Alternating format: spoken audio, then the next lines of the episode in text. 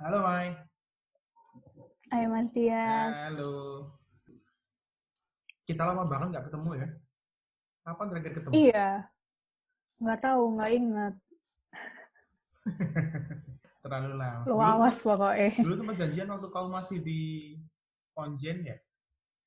Iya, benar. Iya, Terus nggak belum sempet sempet saya sudah meninggalkan Betul. Sudah lanjut sekolah lagi di di mana kamu? di ANU, Australian ANU, National oh. University. Anu. Anu, Iya. Maya lagi di Australia ya? iya. di ANU di Australia dan kenapa di kenapa pembicaraan ini terjadi adalah karena saya sering melihat tweet-tweet Maya yang ngomel-ngomel juga soal corona di Indonesia. Mungkin punya pengalaman menarik buat di-share nih kayaknya. Apa?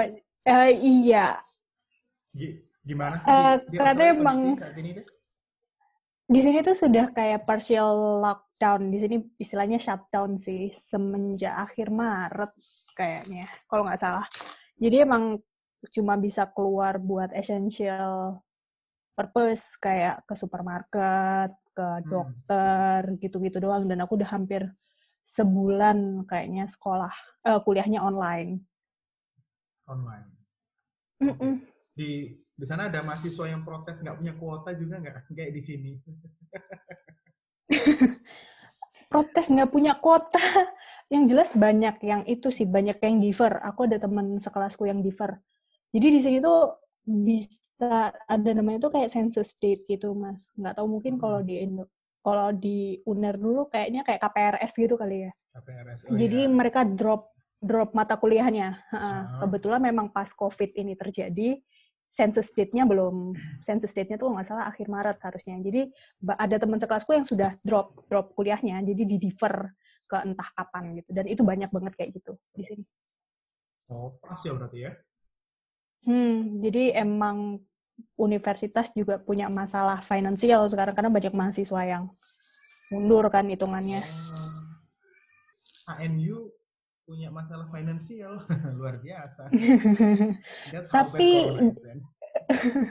yes, that's how bad it is gitu. Dan tapi emang universitasku sih sejauh ini tuh kayak aku impress banget mereka handle masalahnya gitu. Bahkan mereka ngasih mulus sama finansial karena kan kalau di sini banyak mahasiswa tuh yang kerja part time. Mm-mm. Dan karena corona ini mereka jadi kehilangan kerjaannya kan. Jadi mereka kayak show worker gitu. Ada jadi emang buat mahasiswa yang mengalami masalah finansial bisa dibantu sama universitas. Oh gitu, sampai segitu ya.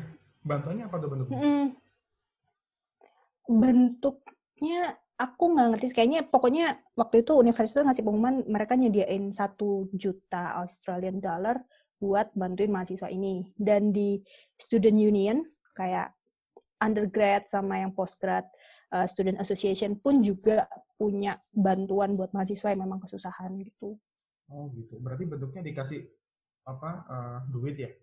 Iya, Luar biasa. Dari kampus ya itu? Itu dari kampus dan dari pemerintah juga ada sendiri.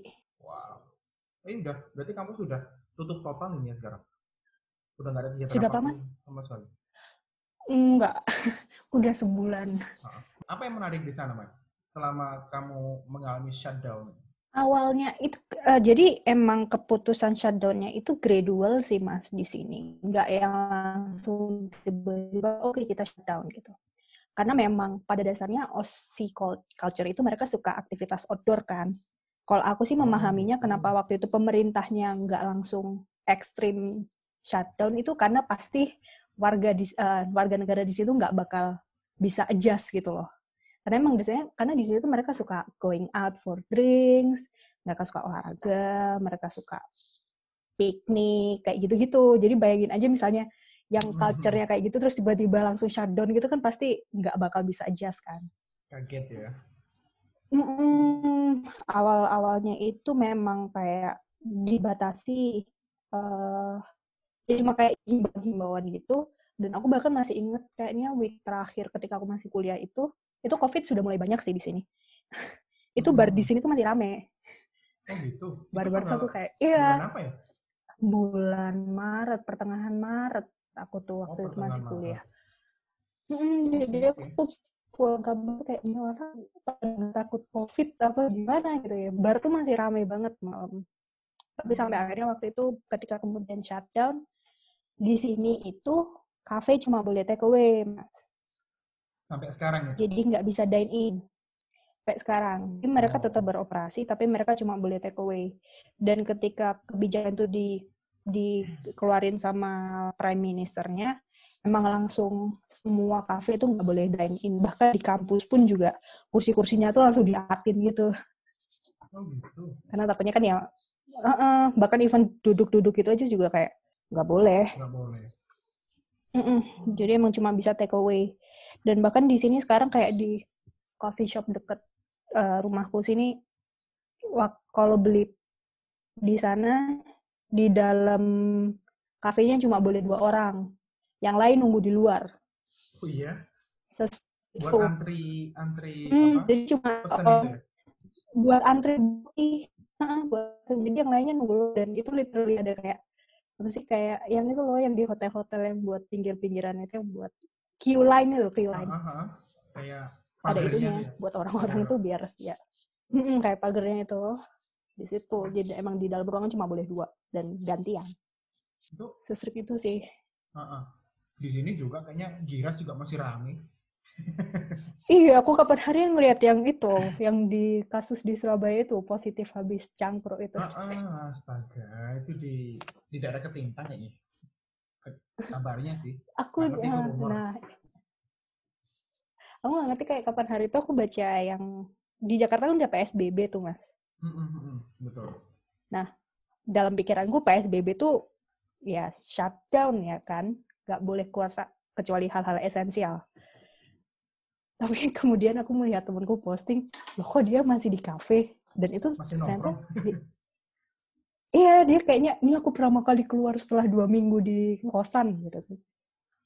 Tapi masih boleh dine in gitu loh, masih boleh Iya, dine in. kayak- Itu sih yang aku nggak kayak ada nggak ada larangan juga di sini.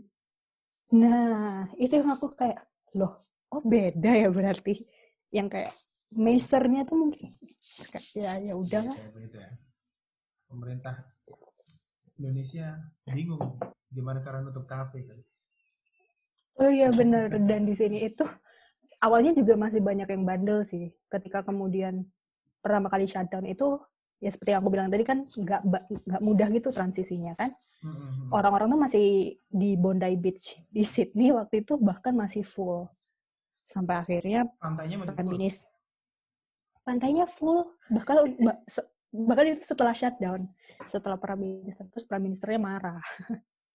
Iya. Terus sama karena di sini kan juga negara bagian kan. Sama premiernya itu terus Bondi Beach itu ditutup. Bahkan setelah di- walaupun telah ditutup masih banyak yang bandel, masih cukup rame. Dan sem iya, Iya. terus akhirnya diberlakukan denda. Terus sekarang denda. dendanya ya ampun, eh dendanya bikin nangis ya apalagi mahasiswa ya.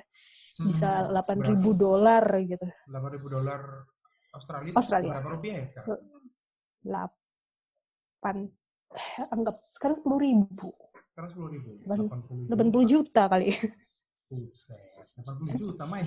Masih Itu sama duit beasiswa saya banyakkan dendanya, Mas. Iya, sebaiknya nggak kena denda berarti kan? Iya makanya, tapi nggak sekali kena sih, ada yang cuma 1.400 gitu-gitu. 1.400 pun sudah 14 juta. Betul sekali. Tetap tidak murah ya. Temanku aja kapan hari cerita, katanya ada temennya dia, karena di sini tuh aturannya lagi, cuma boleh keluar rumah dua orang. Eh, pokoknya kamu di tempat publik tuh cuma boleh dua orang aja, nggak boleh lebih. Kapan hari temanku di dalam mobil empat orang, terus kena denda. Oh gitu. Bahkan di mobil juga dibatasi ya. Iya, aku nggak ngerti juga sih di polisinya gimana gitu kan. Hmm, hmm. Tapi emang tapi emang iya sih kemarin ngobrol dengan Mesia di UK juga dibatasin eh, dua orang keluar dua atau tiga orang di Estonia Mas. Radit kemarin juga iya Arif kemarin di eh, eh, mana Riyadh di Arab juga begitu Kalau ini di Mm-mm. Indonesia ini agak beda memang. Nah, kalau di aku takutnya kalau di Indonesia denda kayaknya malah warganya yang marahin polisinya kali ya, Betul. Sambil direkam. apa gimana? ah, Iya. itulah gitu. Tapi di sini kayak bener-bener denda dendanya tuh karena ya segitunya sih ya, males juga. Mm-mm. Ke di sana official shutdown mulai kapan, Mbak? Akhir Maret tanggal 26 apa? Official shutdown. Dan baru kemarin juga Prime Ministernya bilang bahwa shutdown ini akan di-extend Iya. for another four weeks. Jadi Sebulan sebulan ke lagi ya. depan masih akan tetap seperti ini. Walaupun ini udah mulai curve-nya udah mulai flatten emang. Ya sebenarnya ini ya apa buat flattening curve di sana eh, apa social distancing itu efektif banget. Di sini menaik terus. Di. Indonesia kan udah lima ribu berapa? Lima ribu lebih tiga ratusan kalau nggak salah. Kalau nggak salah ya terakhir. Iya, terus itu malah yang terakhir ODP-nya 100 ribuan orang. Yes. Course ngeri loh itu. Iya, ngeri. Makanya jadi kadang di sini juga kepikiran gitu kan. Di Surabaya kan udah merah juga kan red zone. Iya. Jawa Timur semua merah kecuali Ngawi kalau nggak salah. Atau sama mana gitu. Woi, Dan- sama Sumenep bukannya? Iya. ha. Satunya mana tuh? Sumenep mungkin ya. Tapi gini, eh, how bad is it there? Corona itu separah apa sih di di Aussie? Parah di sini tuh kasusnya confirmnya udah 6 ribuan. Dan paling banyak tuh di New South Wales Mhm, Sydney. Sydney. sama Melbourne. Oh, Di- sana justru. Heeh. di tem- aku kan di ACT Capital Hmm. Territory Australian Capital Territory itu nggak begitu banyak sejauh ini 103 Yang confirm cases ya. yang confirm positif dan semuanya itu karena overseas overseas case. Jadi mereka yang baru pulang dari luar negeri gitu loh. Impor semua ya. Hmm. impor penyakit impor. Yang di sini di ACT tapi yang New South Wales itu sih yang sudah sampai 2000-an 2003 2900 kalau nggak salah di New South Wales. Oh, karena mungkin juga mm-mm. dan memang kebanyakan tuh di sini kasusnya juga kasus ya itu sih mass overseas transmission. Jadi mereka yang baru balik dari luar negeri itu dan karena New South Wales kan emang bandara internasionalnya kan di Sydney Heeh. jadi dia hitungnya ya orang-orangnya mulai Di di. Di sama New South ya. Wales ya Dari gerbang masuk gitu. Mm-mm. dan yang kedua di Victoria di Melbourne Iya, bro. Wow. Di teman-teman mahasiswa gimana di sana, Mas? Mahasiswa Indonesia.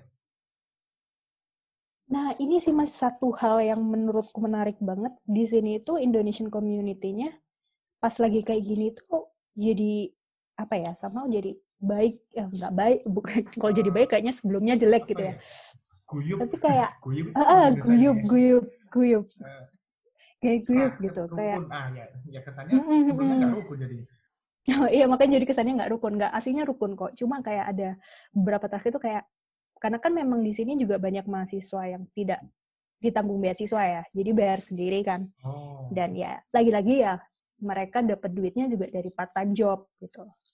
Nah, di sini kan juga ada working holiday visa holder. Nah, ada orang-orang di sana, ada keluarga-keluarga di Indonesia sini biasanya sih aku nggak ngerti ya kayaknya mereka udah lama di sini sih. Kayak "Eh, ini hari ini ada 40 box makanan buat mahasiswa atau working holiday visa holder yang kena dampak gara-gara COVID gratis nanti diambil ya di ANU kayak gitu. oh saling Mm-mm. bantu ya di sana Mm-mm, jadi kayak terus aku kemarin juga lihat ada di grup Facebook itu ada bahkan ada yang nawarin kayak kalau kalian kehilangan karena di sini kan rent itu mahal banget kan mas. Aha. Jadi kalau misalnya kalian kehilangan akomodasi, kami ini kok ada dua kamar kosong yang mau PM aja kayak gitu. baik-baik ya Iya. Terus kayak oh baik sekali orang-orang ini. Terus kapan hari KBRI juga itu sih nawarin sembako dibagikan Buat. ke, WNI buat iya buat in, buat WNI yang terdampak terutama untuk international student karena international student nggak dikasih bantuan sama pemerintah Australia. Oh gitu. Ya itu kapan hari rame banget sih. Kenapa nggak dikasih bantuan? Nah, kurang tahu saya. iya iya iya. Kalau Emang prime ministernya tuh nggak agak, agak aneh sih dia Iya. emang. Agak offside gitu kan ScoMo ini. Waktu itu emang dia bahkan sempat sempat ngasih statement yang selap kalau kamu masih bisa pulang pulang aja mending gitu. Ah, ah, itu kapan kapan hari kan dia kok jadi gini sih Iya, iya, tersinggung saya langsung kayak wow. Dan itu banyak diprotes sih. Itu aku ngeliat banget banyak kayak diskusi gitu di forum-forum mahasiswa gitu yang kayak soalnya kan education kan eh, penyumbang terbesar nggak penyumbang terbesar kayaknya ketiga deh buat ekonominya Australia Ah, kan. signifikan ya berarti ya? Signifikan banget. Jadi banyak yang protes kayak ih kalau lagi situasi normal aja duit kita disedot pas lagi kayak gini kita disuruh pulang gitu kan. It's unfair Iya. gitu. Hmm, jadi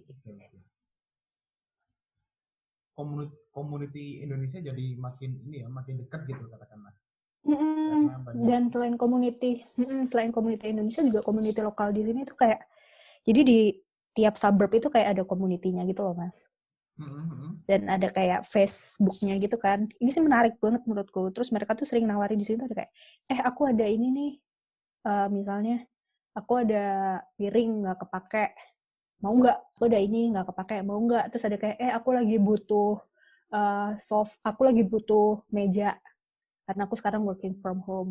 Kira-kira ada nggak kalian yang punya meja? Oh ya udah nih ambil aja kayak gitu.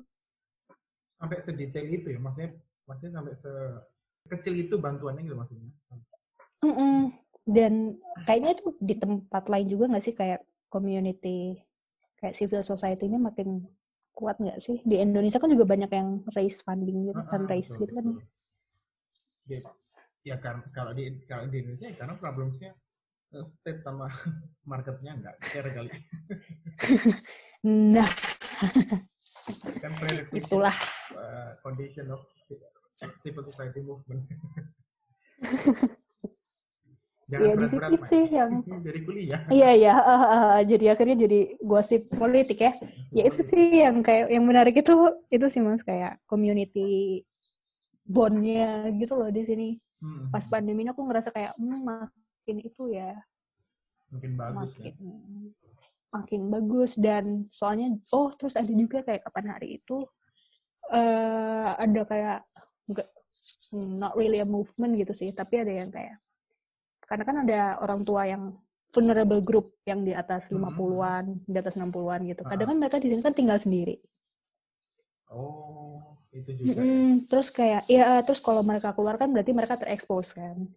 Terus jadi ada yang nawarin gini, kalau ada orang tua kalian, soalnya kadang kan mereka tinggal jauh sama anaknya kan mas. Let's Iya. say anaknya di eh, di New South Wales gitu kan.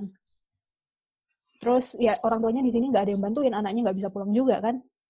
Terus ada yang nawarin gitu, kalau kalian butuh aku buat belanja, let me know aja, nanti aku beli, aku yang belanja, nanti aku bawain ke rumahmu. Kayak gitu. Iya. Oh, ada ada Atau yang base. Mm-mm, atau yang kelompok-kelompok disable, disability Hmm. group. Itu juga gitu, ada juga orang yang nawar-nawarin kayak gitu. Atau misalnya, um, kalian lagi self isolation nih, aku mau kok beliin belanja buat kalian.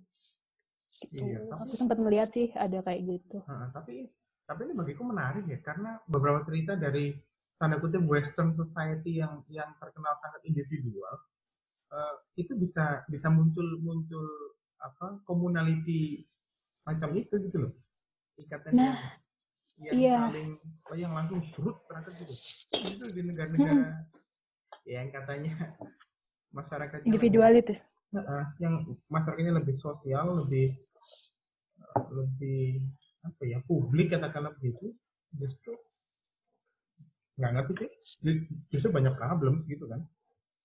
Iya.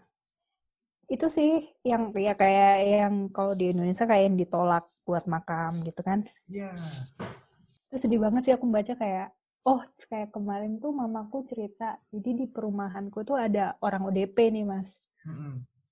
tapi katanya dia itu aslinya bukan orang perumahan dia tuh orang uh, dari tempat lain yang ditolak sama warga di sana sampai akhirnya dia harus ke tempat saudaranya ini yang di perumahanku itu karena dia ODP Wow. Itu di Surabaya. di Surabaya. Kan ya kasihan ya udah udah sakit gitu malah ditolak-tolak. Dan, kayak nggak cukup aja gitu ya saya kena sakit ini gitu kan. Dan yang aneh adalah kenapa orang di Indonesia jadi melihat ini? Ini kan bukan penyakit gara-gara kelakuan ya, bukan aib kan? betul gitu. Bukan eh, kalau stigma terhadap AIDS ya walaupun itu tetap tetap aja salah tapi masih ada sambungan dikit-dikit Iya. mungkin karena stigma soal ini ini ini. iya Ini kan siapa pun bisa kena. betul gitu dan bahkan Aneh banget. dan bahkan ya yang lebih aneh lagi yang itu yang kayak suster apa yang kayak perawat itu kan Iya.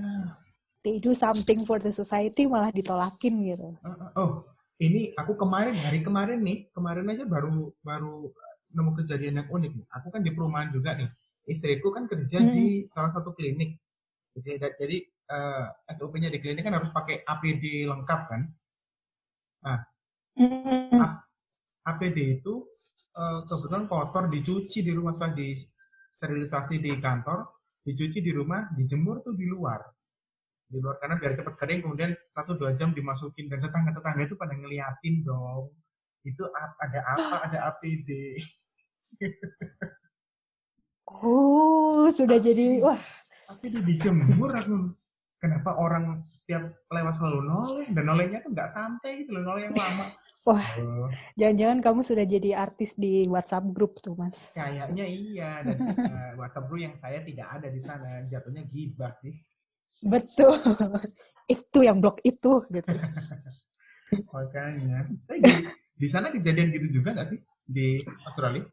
di sini tuh lagi ada eh di sini yang lagi rame itu yang lagi naik itu racism. Racism. terhadap Oh. Chinese community. Banyak banget. Iya lagi lagi naik banget. Jadi kurvanya tuh naik rasisme terhadap Chinese community atau Asian community. Ini ada Hmm. pengalamannya temanku sendiri nih. Ini temanku em tapi dia tuh nggak nyadar kalau dia tuh target rasismenya gitu.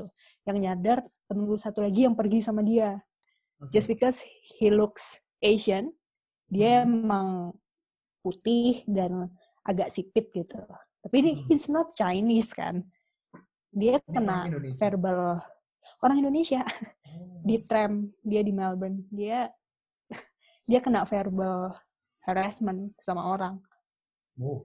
Dibilang gimana? nah maksudnya dia tuh nggak nyadar mas kalau dia tuh targetnya dudul saya emang dia tuh. Kayak dia tuh kayak mau dia tuh mau turun tram gitu loh. Terus orang yang di belakangnya bapak-bapak dia tuh ngomong sesuatu nah dia tuh nggak nyadar kalau bapaknya tuh ngomong ke dia gitu. Terus kata dia sih ada kayak ibu-ibu gitu yang kaget yang kayak yang kayak shock denger itu terus telepon polisi ibunya. Terus nah temenku nih baru sadar. Iya, temanku tuh baru sadar kayak loh ada apa nih? gitu. Tapi waktu itu dia mikirnya bapak itu ngeheres i- ibunya itu. Emang. Oh. Sedangkan temanku satu lagi yang melihat dari kejauhan tuh yang menyadari semua itu terjadi. Bilang kayak itu tuh kamu tadi kayak oh Iya. eh tapi poinku adalah temanku ini just because he looks Asian gitu loh. Dia bahkan bukan Iya. Chinese gitu, dia bukan Indonesian. Chinese gitu kan. Iya, tapi ya itu dan emang kayak di sini kapan hari itu ada video viral gitu. eh iya kok nggak salah orang Vietnam. Hmm, di itu disemprot sama orang di jalan. Dia nggak apa-ngapain mas. Dia cuma mau nyebrang jalan gitu. Disemprot pakai terus ya air. udah nggak disemprot pakai omongan Oh, disemprot. di verbal harassment Oh, iya, di verbal labrak-labrak Eh, di verbal harassment. Harassment. Makin naik gara-gara itu sih.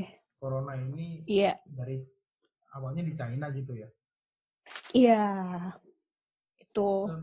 Terus inilah Hmm. satu video yang aneh banget sih. Kapan hari itu ada kayak bapak-bapak, aku lupa di mana. Dia bawa pecut. Pecut. Yes, di depan Chinese consulates. Kalau nggak salah, kayaknya either di Sydney atau di Melbourne aku lupa dan dia tuh kayak teriak-teriak kayak fearmonger gitu loh jadi kan ada warga China yang antri di depan konsulat tuh Mm-mm. Jadi bapaknya tuh cuma berdiri di depan konsulat terus dia kayak sambil nyam anu pecetnya dia tuh sambil marah-marah teriak-teriak gitu Gak jelas banget. nggak jelas banget kan gitu tapi ya itu fearmonger gitu Ah, sampai akhirnya dilaporin polisi sih Oh. Ini ya makin tapi itu is there a thing on a daily basis? Maksudnya apakah rasismenya itu bahkan sebelum corona pun juga juga ini juga ada gitu sentimennya. kalau menurutku sih sentimen rasisme selalu ada sih ya mas sebelumnya Hmm. Tapi how bad was it? aku nggak pernah ngalamin untungnya Oke, atau belum ngalamin aku nggak tahu ya semoga enggak lah. ya semoga enggak sih gitu Bad tapi emang it is tapi ya biasanya itu sih karena Asian atau kalau di sini kan kadang emang di sini tuh banyak banget mahasiswa dari China Mm-mm. ini kalau yang aku baca ya kayak sebelum aku berangkat ke sini itu eh, rasio mahasiswa China itu banyak banget di universitas mas kayak berapa Oke. persen gitu kan dan biasanya mereka juga tidak begitu fasih bahasa Inggrisnya jadi eh, kadang ini kalau ngomongin di itu ya eh, lingkungan akademis gitu ya kadang domestik masalah komunikasi kadang domestic students tuh juga akhirnya males bikin kelompok sama anak-anak ini Oh. karena Sama ya takut Ada- iya karena ya. takutnya juga mereka- ya ah, juli-julitan karena takutnya memang apa ya karena mereka nggak aktif di kelas Mm-mm. ada masalah komunikasi itu mereka akhirnya nanti nurunin nilainya mereka kayak gitulah istilah Oh. apa kasarannya gampangannya Menghambat ya. menghambat mereka gitu kayak gitu tapi alhamdulillah aku nggak pernah ngerasain sih dan Iya, iya. kalau kata orang-orang tuh di Canberra tuh lebih santai dibandingkan Sydney atau Melbourne Rasisme tuh jadi isu banget di sana ya. Iya, jadi rame banget. Nah, apalagi yang kalau kemarin yang prime ministernya ngomong kayak gitu tuh menurutku tidak Iya. memperbaiki situasi gitu loh, malah bikin Justru bikin Iya kan? sentimen. akhirnya kan banyak Mm-mm, betul dan akhirnya banyak Australians yang kayak ini ngapain nih imigran-imigran yang masih di sini gitu. Iya. Dan langsung sih. hidungnya sama pemimpin politik. Itulah makanya gitu. Ini prime ministernya aja udah bilang ini pulang aja kamu kayak gitu kan kasarannya. Parah banget sih emang. Oke. Oke, tapi ke kalau di sana belanja-belanja gitu mas susah nggak mas? Ada panik buying nggak? Oh, tentu di sini Jangan bilang toilet itu paper toilet paper. Ada apa Western Eh, kan, society dengan eh, toilet paper ini ya? Mereka tuh tidak mengerti pentingnya air ya mas. Indonesian Iya. kan relate sih. Eh, emang di Hmm. di tempatmu itu air susah ya? Enggak, Oh, berarti memang secara cultural, enggak juga. secara cultural aja yang beda bukan karena scarcity ya? Emang parah banget sih. Kayak Mhm. waktu awal-awal itu bahkan orang-orang tuh sampai berantem gitu loh di supermarket. Iya, yang Cuma buat toilet paper. toilet paper. Sampai sekarang masih Dan sampai masih sekarang gitu pun sekarang udah mulai udah mulai balik. Eh, udah mulai balik sih toilet. Jadi udah mulai banyak. Oh, waktu itu, it- jadi di supermarket itu saat aisle buat rak buat toilet paper tuh selalu kosong. Oke. Selalu kosong, selalu gitu. Sekarang sih sudah mulai penuh lagi. Tapi dibatasi satu orang cuma boleh beli satu. Iya, sepenting itukah toilet paper? Iya, dan orang-orang tuh kayak sekali beli tuh langsung kayak tiga Eh, tiga plastik bag Tiga plastik satu plastik itu bag kan? tuh kadang isinya 12. Iya, Iya. dan satu tuh biasanya isinya 6 atau 12 gitu loh, Mas. kayak, Iya. ini orang-orang ngapain gitu. Buat apa gitu kan? Iya, dan kapan hari itu 50 aku baru kan? baca berita sih. Iya, kalau tiga ya 36 lah.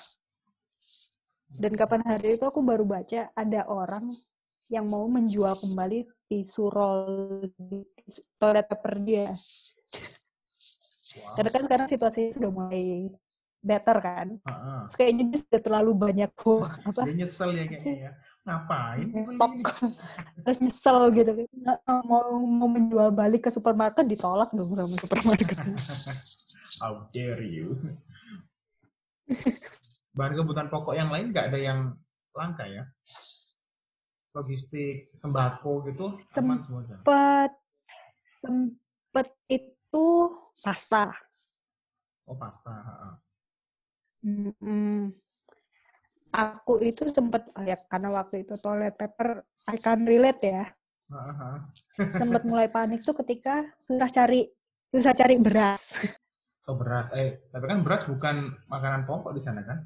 Beras sempat langka di sana. sempet sempet susah carinya Mm-mm. Tapi padahal, padahal bukan makanan pokok ya buat buat nah orang Australia. waktu itu tuh waktu itu aku sempet pas aku masih inget situ aku kuliah ada temenku anak Indonesia juga dia bilang eh udah beli beras belum? Gitu. So kayak belum. Karena aku di rumah masih ada kan. Mm-mm. dan aku tidak merasa aku perlu panik buying gitu loh. Terus dia kayak ih cepetan beli sudah mulai habis. Gitu. Kayak aku kayak oke oke gitu kan. Sampai akhirnya waktu itu udah kayak beneran mau habis kayaknya cuma bisa tiga kali makan aku ke supermarket tuh beneran habis Habis semua. Wow. karena aku kan nyari yang jasmine rice ya Mm-mm, mm-mm. yang cocok dengan lidah saya di sini kan ada yang kayak basmati kayak gitu kan nggak nggak enak lah gitu dan itu habis Cocok ya. nggak cocok dan itu habis ada itu long grain rice gitu dan itu yang satu kilo Oh yang kecil. Kalau mm-mm, kalau kata temanku sih kayaknya orang-orang eh, Asian di sini yang menghabiskan stok beras Oh. tersebut jadi yang yang western panic buying toilet paper toilet paper. yang orang Asia sih panic buying beras beras. Apaan? Iya. Tapi sekarang masih tuh, masih susah. Enggak, enggak, enggak. Sudah, sekarang Normal sudah ya? mulai normal sih. Dan sabun juga sempet susah banget cari di sini. Sabun cuci Orang tangan juga tuh sabun buying. Segala macam sabun. segala macam sabun. Oh, wow. Bahkan aku pernah suatu hari ke supermarket, aku kaget banget. Satu rak sabun tuh kosong, Mas. Semua jenis sabun ya, sabun mandi, sabun cuci tangan itu satu rak tuh kosong. Kosong semua. Hmm. Di sana masker hand, hand sanitizer juga susah ya? Hand sanitizer susah, masker juga susah. Kayaknya sekarang masker bahkan lebih susah sih. Tapi aku Oh, gitu ya? kemarin keluar tuh nggak ada yang pakai masker juga sih orang-orang. Oh iya? Di sana Iya. orang orang kemarin aku ngobrol sama sama si ini kan siapa? Eh Meisya kan. Orang-orang di UK kan memang nggak biasa pakai masker ya, beda dengan orang di Indonesia. Di Indonesia Mm-mm. masker tuh jadi fashion tiap hari. Karena kita Mm-mm. dealing with polusi dan lalalala. benar, benar. Itu orang di sana juga mirip kayak orang UK deh. Iya, di sini, nah itu sih. Kadang mungkin juga nggak biasa pakai masker kali ya mas ya. Kadang aku kalau keluar pakai masker tuh jadi was-was sendiri gitu loh. Takut jangan-jangan orang-orang nih ngiranya aku sakit lagi gitu kan. Oh, tapi ada kejadian gitu nggak? Jadi kamu keluar pakai masker, kemudian ada orang ngeliatin, ah, ngeliatin aneh gitu. Enggak sih. Cuma waktu aku nyampe sini tuh kan di sini lagi ada bushfire. Oh, I see. Jadi waktu itu aku pakai masker memang orang-orang biasa aja, orang-orang ya udah gitu karena ngerti udaranya nggak enak kan. Tapi semenjak ini sih, semenjak COVID ini aku keluar pakai masker tuh kayak, aduh takut ntar diliatin orang-orang lagi. Bahkan mau bersin atau mau batuk di public transport tuh kayak takut gitu. Takutnya ya, ngeri. Padahal kan, ya, yang penting kan diikuti protokolnya aja kan, ditutup yang bener kan. Iya kapan hari temanku naik tram, kemudian dia bersin. Oh, terus? Terus sama petugasnya, kamu boleh nggak duduk di sebelah sana? Dia dijauhkan gitu. itu agak ekstrim sih menurutku responnya cuma bersin sekali oh aku tadi tadi biar terus aku kayak tadi jam sembilanan ke apa uh, minimarket kan beli beli Hmm. beli beli beli uh, pakai masker. Kemudian bersin di sana satu minimarket ngeliatin dong. Nah kayaknya kalau soal Jadi semua orang sama ya? Bener jadi kayak gitu gak sih mas. Orang-orang tuh akhirnya jadi parno kali ya. Di sana juga gitu ya? Iya. Wow. Aku speaking of parno waktu itu aku ketemu orang pakai hazmat suit pakai APD PD di supermarket. Di supermarket? Di happened? supermarket aku ketemu Sky terus aku kayak terus aku seuzon gitu. Jangan-jangan orang ini lagi diisolasi tapi dia maksa keluar untuk belanja. Oh, masuk akal sih. Iya kan? Masalahnya waktu itu aku ngeliat dia tuh cuma beli kecap tahu gak sih? Sepenting itu kan kecap gitu kan exactly gitu kan maksudnya kayak akhirnya aku mikir kayak atau aku benefit of the doubt juga sih mungkin dia parno kali ya Heeh. Tapi pun dia parno kan tidak benar juga gitu, sedangkan tenaga kesehatan masih butuh APD gitu kan. betul betul Aku sampai rumah langsung itu, langsung langsung heboh sendiri yang kayak langsung mendisinfektan seluruh tubuhku dan seluruh rumahku. Karena aku antri di belakang dia waktu itu di depan kasir, oh gitu pakai APD full. nggak ada yang nanyain dia gitu ya orang di sana ya ngapain lu pakai APD di supermarket Waktu itu terus sampai rumah gitu aku sama host itu kayak, misalnya tadi kita tanya dia tersinggung nggak ya gitu. kayak Anda ngapain pakai ini? Eh, iya Parah sih itu. Beli kecap doang. Kesel banget sumpah. kecap wow Itu kan bikin panik gitu loh. Bikin apa ya, bikin orang-orang lain tuh nggak nyaman kan. iya betul Iya, anyway, Ah. akhirnya jadi pan, jadi parno semua sih in general orang-orang. Ya nggak sih? iya sama, sama kayaknya di tapi tapi kalau di sini kayaknya masih belum sampai tahap itu sih dan orang kegiatan di luar rumah juga masih banyak banget dan masih ramai Iya ya, masih ke kantor nggak sih? Kayaknya ada beberapa kantor yang masih buka ya. Ada beberapa pabrik juga ada beberapa yang masih buka pabrik loh ya yang workspace-nya mepet-mepet banget Hmm, kan makanya banyak diskusi soal eh, gimana buruh-buruh perempuan itu bertahan di dalam eh, di tengah wabah ini. banyak di Oh iya iya iya Hmm. iya. Pasti. Tapi itu ngeri. Kalau di sana sudah libur semua ya, di Aussie. Tutup semua. Keba sebagian besar iya. Kecuali ya itu sih yang esensial-esensial itu. Tapi di sini kan karena banyak yang kehilangan kerjaan kan. Di sisi lain juga banyak karena supermarket kan akhirnya jadi buka terus kan dan mereka butuh lebih banyak tenaga kerja gitu loh kayak beberapa minggu lalu tuh Woolworth di sini tuh kayak buka lowongan banyak banget. buat jaga store. Iya, iya, iya. Karena shiftnya mereka jadi kayak gila-gilaan gitu. 24 jam ya. beberapa ada yang 24 jam. Tapi kayak bukanya jadi lebih pagi. Oh, speaking of itu aku jadi ingat. Hmm. Karena waktu itu, waktu masih eh, masa-masa panic buying itu, ada yang raise isu, ini orang-orang tua ini nggak kebagian gitu. Orang-orang tua yang 60 ke atas tadi. 60 ke atas nih, let's say mereka ke supermarket ya, mereka mau beli toilet paper, habis. Gitu kan?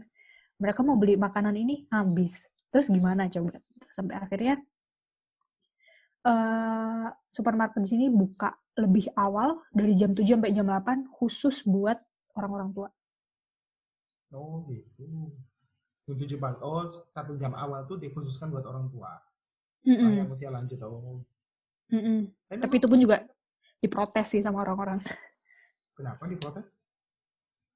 Hi- eh, kamu berharap orang-orang tua ini datang lebih pagi? Itu kan pagi Oh, banget ya, jam iya, 7 itu iya, kan, iya. Mas. Itu juga Hmm. tidak begitu convenient gitu loh buat mereka.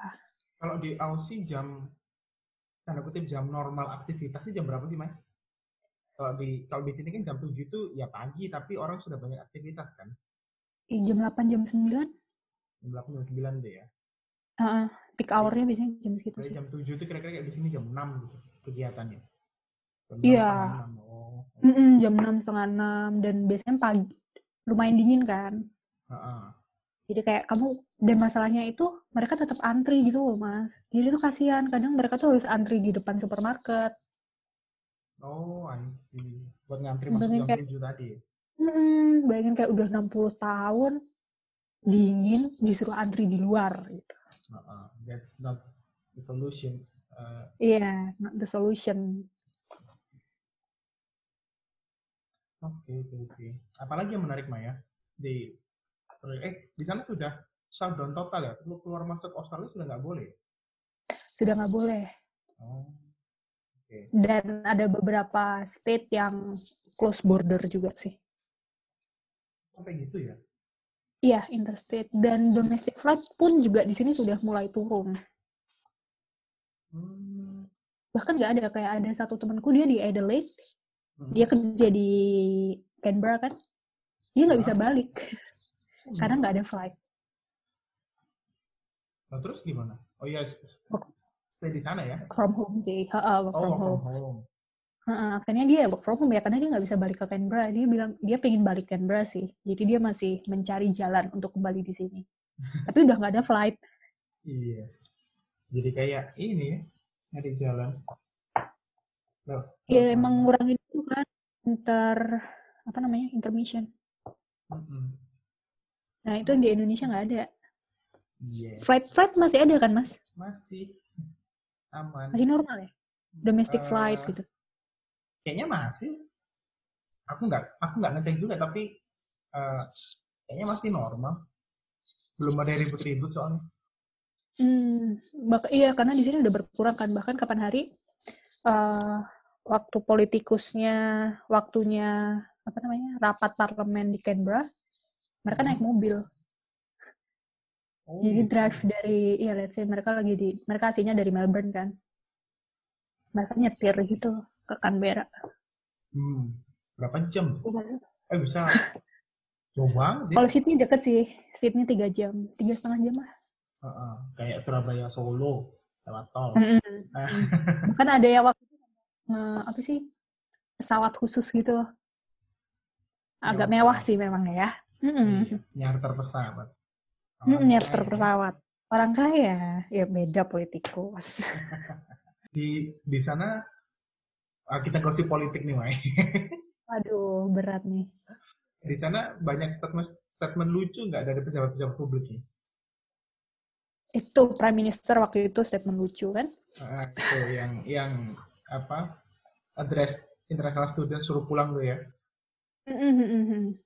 Eh, apa ya, sejauh ini sih belum ada yang blunder-blunder seperti di itu negara asli saya ya mas, negara asal saya. belum ada yang begitu rame sih. Tapi kayaknya ini lumayan lucu sih, kayak kapan hari itu aku baca. Di sini kan eh, Prime Ministernya kan dari Liberal Party. Mhm, Liberal kan konservatif ya. Yes. Jadi karena sekarang kan banyak stimulus-stimulus sosial gitu loh. Jadi banyak kayak, hmm, lucu juga nih Liberal Party ngasih stimulus sosial gitu kayak pemerintahnya berubah jadi sosialis nih kayaknya gitu. Agak geser ke kiri dikit ya. Agak geser ke kiri dikit gitu. Tapi kayaknya emang semua pemerintahan kayak gitu nggak sih sekarang? Iya, ya. Desperate times desperate measure. Mm-mm. Iya sih belum ada. Gimana? Tapi di sini tuh kayak tiap hari tuh dikasih update. Di Indonesia juga sih. Iya, kalau kalau update ya sering. Cuma apa harus di Indonesia kan orang masih berdebat soal datanya toh. Maksudnya Ya. bener nggak nih segini pemerintah bilangnya 5.000 sekian, ada yang bilang lebih, ada yang bilang lebih banyak dan segala macam. Iya, itu kan ya nggak nggak make sense aja gitu di negara sebesar Indonesia kasusnya cuma segitu itu 5.000. Iya. itu sudah sudah big question mark gitu kan. Iya. Ka- Kalau kalau di sana misal nih, Mike, eh, ada satu yang merasakan gejala, maksudnya nggak enak badan dan dia gejala COVID. Dia telepon langsung dijemput begitu. Ada di sini sudah di sini tuh ada drive thru di ACT ya di tempatku itu ada drive thru rapid test gitu. Oh ya? Nah, jadi misalnya kalau jadi di sini ada satu klinik yang khusus walk in walk in klinik buat ngecek kalau misalnya ada orang ngerasa aku simptom menunjukkan simptom-simptom COVID. Hmm. Terus beberapa minggu lalu uh, state ministernya di sini itu ngenalin drive thru, ngeluarin drive thru itu drive thru test. Jadi ya udah hmm. orangnya naik mobil aja, terus kamu datang ke tempat itu kamu dites. Nah semenjak ada drive thru test itu sih nomornya naik naik terus angkanya. Oh ya karena banyak, lebih banyak yang dites ya lebih banyak. Karena lebih banyak yang dites, lebih banyak yang ketahuan. Hmm. Itu sih. Terus paling yang menarik itu kampus sih mas. Kampus tuh juga waktu pertama kali bulan lalu lah kira-kira tiap hari itu kayak dikirimin email aku dari kampus diupdate oh gitu hmm, kalau kenapa-napa gini hari ini update-nya ini dan mereka bilang sih kalau misalnya kamu uh, apa kena covid let us know gitu nanti bakal kita bantuin kayak gitu-gitu sih. Iya persepsinya memang memang uh, apa pasien itu kayak jadi korban gitu yang harus di, dibantu gitu kan. Kalau di sini menjadi pasien ya kamu harus dijauhi Ya, uh, oh, oh ya di kampusku tuh ada sekarang semenjak COVID itu punya jargon. Mm-hmm. Virus doesn't discriminate, doesn't discriminate, and so do we. ya, ya, ya. Maksud, maksud. Bukan, bukan virusnya yang masalah kan? Betul. Ya, ya, ya. Oke, oke, oke. Cuma di sini emang waktu itu sempat ada masalah itu sih. Kan mahasiswa dari China nggak boleh masuk kan. Oh, gitu? Travel ban. Di... Waktu pertama kali outbreak di Wuhan itu. Oh. Langsung ditutup Nggak. semua flight dari China. Dari China. Nggak boleh masuk. Itu agak resist juga sih. Uh -uh. Yes. Iya, iya. Terus uh, yang misalnya yang warga negara Australia yang di soalnya waktu itu kan lagi bareng sama Chinese New Year ya mas ah betul jadi banyak yang pulang kampung lah itu kan ya jadi untuk warga negara Australia dan permanen resident yang sudah terlanjur di China waktu mereka balik mereka disuruh karantin di Christmas Island dua oh, minggu Island. iya dua minggu kayak asylum seekers dong Benar, makanya kan. Udah kan itu.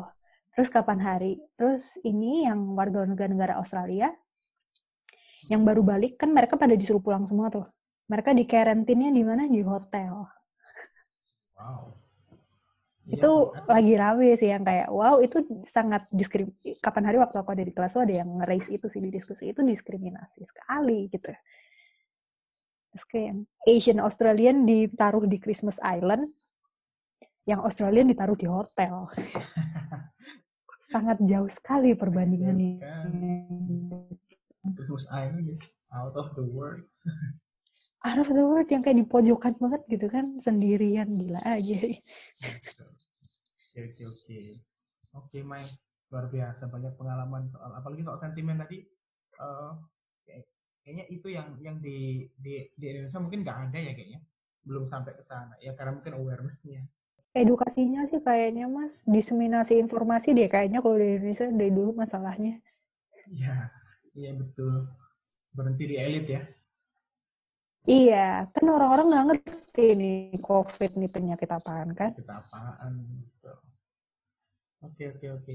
Thank you. Ini udah hampir se ini udah sejam loh Mai kita ngobrol ya ampun.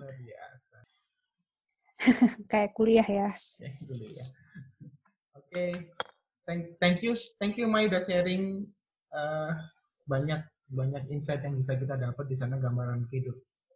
Gimana teman-teman di Australia, komuniti Indonesia dan yang paling menarik tadi soal racism tadi ternyata juga makin menguat wow wow and the last but not the least toilet paper.